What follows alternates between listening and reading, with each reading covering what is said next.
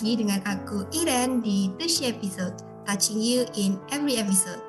Kali ini nih aku nggak sendirian loh, karena bakal ditemenin sama Nadira nih. Halo Iren dan teacher semuanya. Hehe, ketemu lagi nih sama aku Nadira. By the way, pertama kalinya nih aku sama Iren duet bareng. Ya enggak?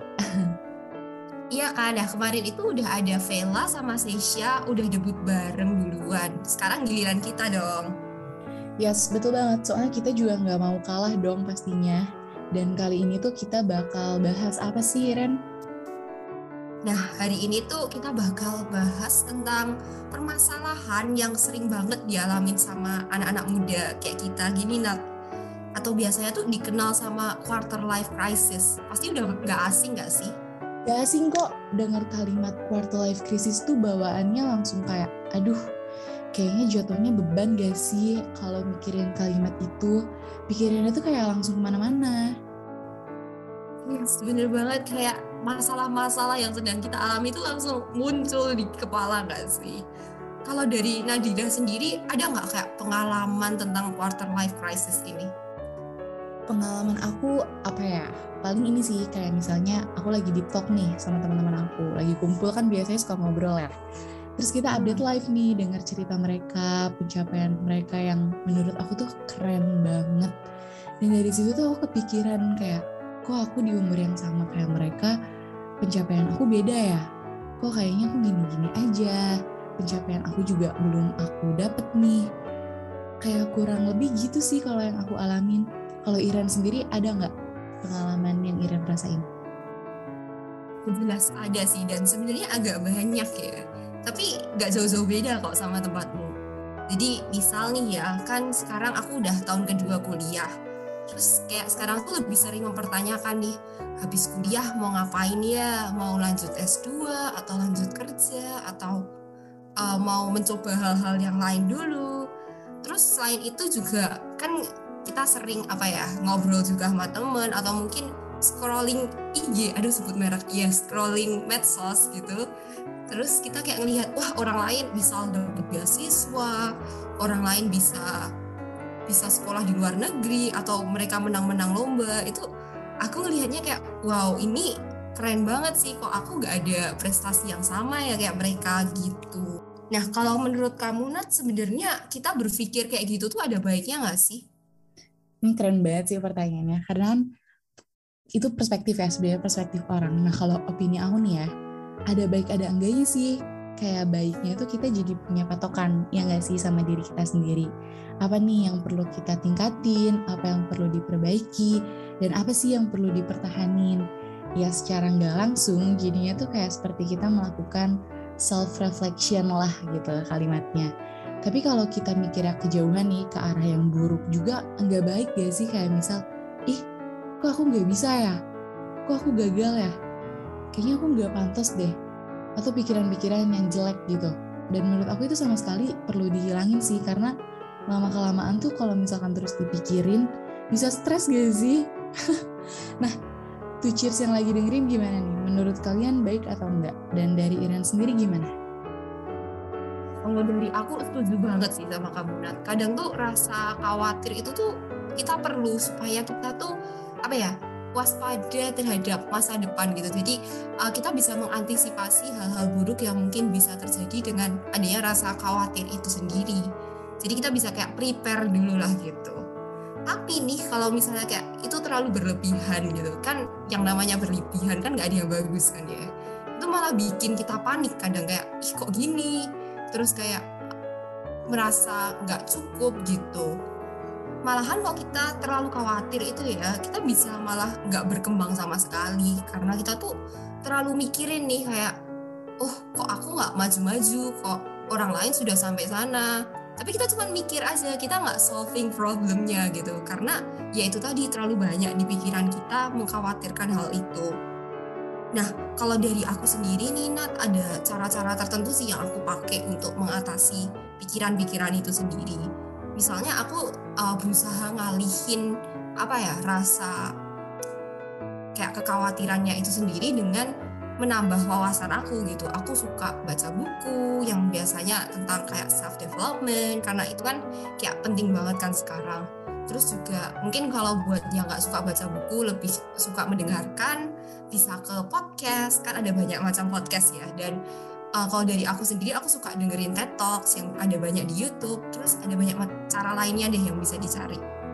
Oh iya dan yang paling penting nih ya kita tuh harus tetap bersyukur sih dengan pencapaian kita saat ini karena belum tentu orang lain punya pencapaian yang sama sama kita. Jadi kayak pencapaian yang udah kita punya ini tuh ya ini yang terbaik yang sudah bisa kita dapat terus kita tinggal memplan ke depannya pencapaian apa yang mau kita dapat. Itu sih dari aku kalau dari Nadira sendiri ada nggak nih tips and trick buat two cheers yang lagi mengalami quarter life crisis Oh iya setuju sih tadi yang dengerin podcast dan jangan lupa dengerin podcast kita juga nggak sih?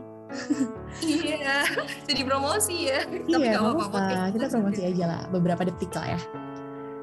jujur kalau misalkan dari aku nih ya itu tuh nggak bisa dipungkiri gak sih susah banget pasti buat ngehindarin pengalaman quarter life crisis karena aku sendiri pun lagi berusaha nih supaya bisa perlahan buat lepas. Atau enggak sebisa mungkin gak kepikiran deh ke arah sana gitu. Tapi benar juga tadi apa kata Irem kadang kalau kita terlalu memikirkan tentang apa yang orang lain pikirkan atau lakukan itu membuat kita jauh nggak berkembang. Nah mungkin salah satu caranya nih yang lagi aku coba juga yaitu aku belajar untuk tidak membandingkan diri aku sama orang lain. Anyways, pernah dengar gak sih kalimat kayak gini? Ada orang yang sukses di karirnya, tapi dia tidak sukses di percintaannya. Pernah dengar gak Iran? Aku pertama kali dengar sih, tapi ini maksudnya gimana nak? Nah, kalimat itu tuh maksudnya kayak gak semua orang tuh bisa sukses di semua jalannya dia gitu loh kayak aku setuju sama pernyataan itu karena gak semua orang itu bisa mencapai apa yang mereka inginkan pasti ada hal yang perlu mereka korbanin gitu kan. Atau ada hal yang gak bisa mereka kontrol. Ya mungkin kita nggak tahu aja sih di balik keberhasilan mereka itu ada apa. Hal-hal tadi itu tuh yang selalu aku tanamkan. Jadi kalau aku udah mulai membandingkan diri aku sama orang lain itu aku kadang suka mikir oh dia bisa mencapai pencapaiannya tapi belum tentu dia punya teman sebanyak aku gitu. Atau mungkin oh dia temennya banyak tapi mungkin keluarga dia nggak sebaik aku. Jadi mikirnya gitu loh. Jadi mikirnya ke arah kayak sama-sama membandingkan keberhasilan kita berdua gitu. Bukan membandingkan keberhasilan dia sama kekurangan kita. Kayak gitu. Karena kan kalau misalnya kita membandingkan kelebihan dia sama kekurangan kita nggak akan ada ujungnya nggak sih? Kita stuck di kekurangan kita sedangkan dia stuck di keberhasilan dia. Nah karena aku pribadi quarter life crisis yang aku alami ini tuh lebih mengarah ke arah pencapaian orang lain nih apalagi tadi benar sosial media. Kita scrolling sosial media. Itu kan bikin kita mudah melihat pencapaian orang lain ya. Nah makanya kalau aku tuh lagi berusaha untuk nggak membandingkan diri aku nih kekurangan aku sama keberhasilan mereka atau pencapaian mereka.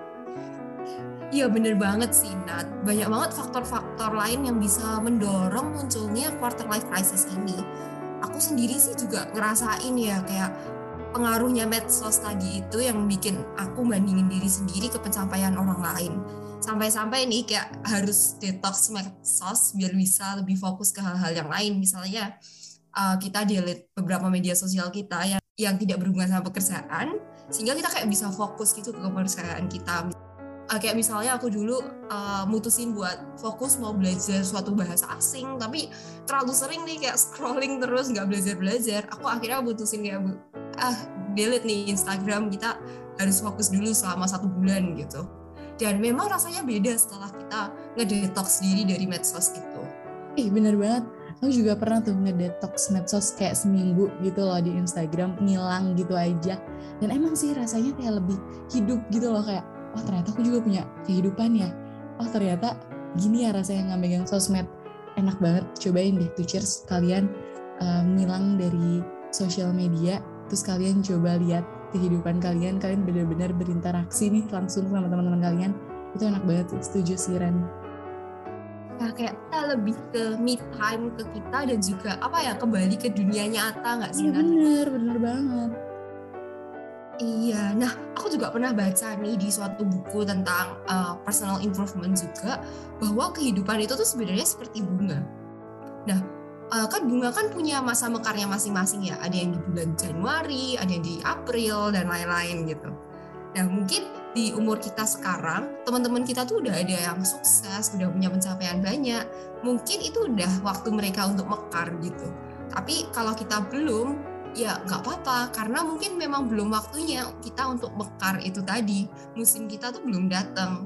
Makanya sambil kita menunggu musim kita datang nih ya, nah kita tuh bisa mulai apa ya mengembangkan diri kita sendiri. Kita mulai cari passion kita itu apa. Kita mulai kayak menentukan tujuanku hidup ini untuk apa sebenarnya. Sehingga waktu uh, masa mekar kita ini itu tiba kita tuh udah siap gitu. Jadi uh, bukannya yang cuman menunggu dan nggak ngelakuin apa-apa karena itu nggak bakal membuahkan hasil. Gitu sih nak. Iya betul banget karena setiap orang tuh punya timeline-nya masing-masing gitu kan yang pastinya juga udah diatur sama Tuhan nah untuk two cheers nih yang lagi merasa ada di posisi quarter life crisis, yuk kita sama-sama berjuang untuk bisa melewatinya. Aku sama Iren yakin pastinya kita bisa melewatinya bersama-sama walaupun caranya berbeda.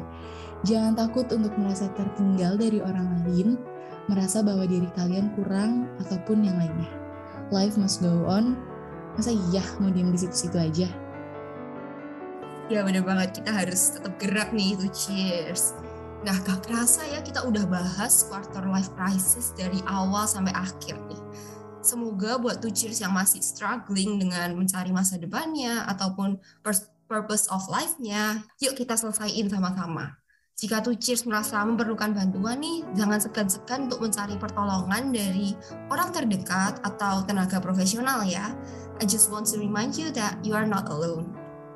Kalau begitu, karena kita udah berada di penghujung podcast, Aku Iren dan aku Nandira. Pamit undur diri terlebih dahulu. See you on the next Tushi episode.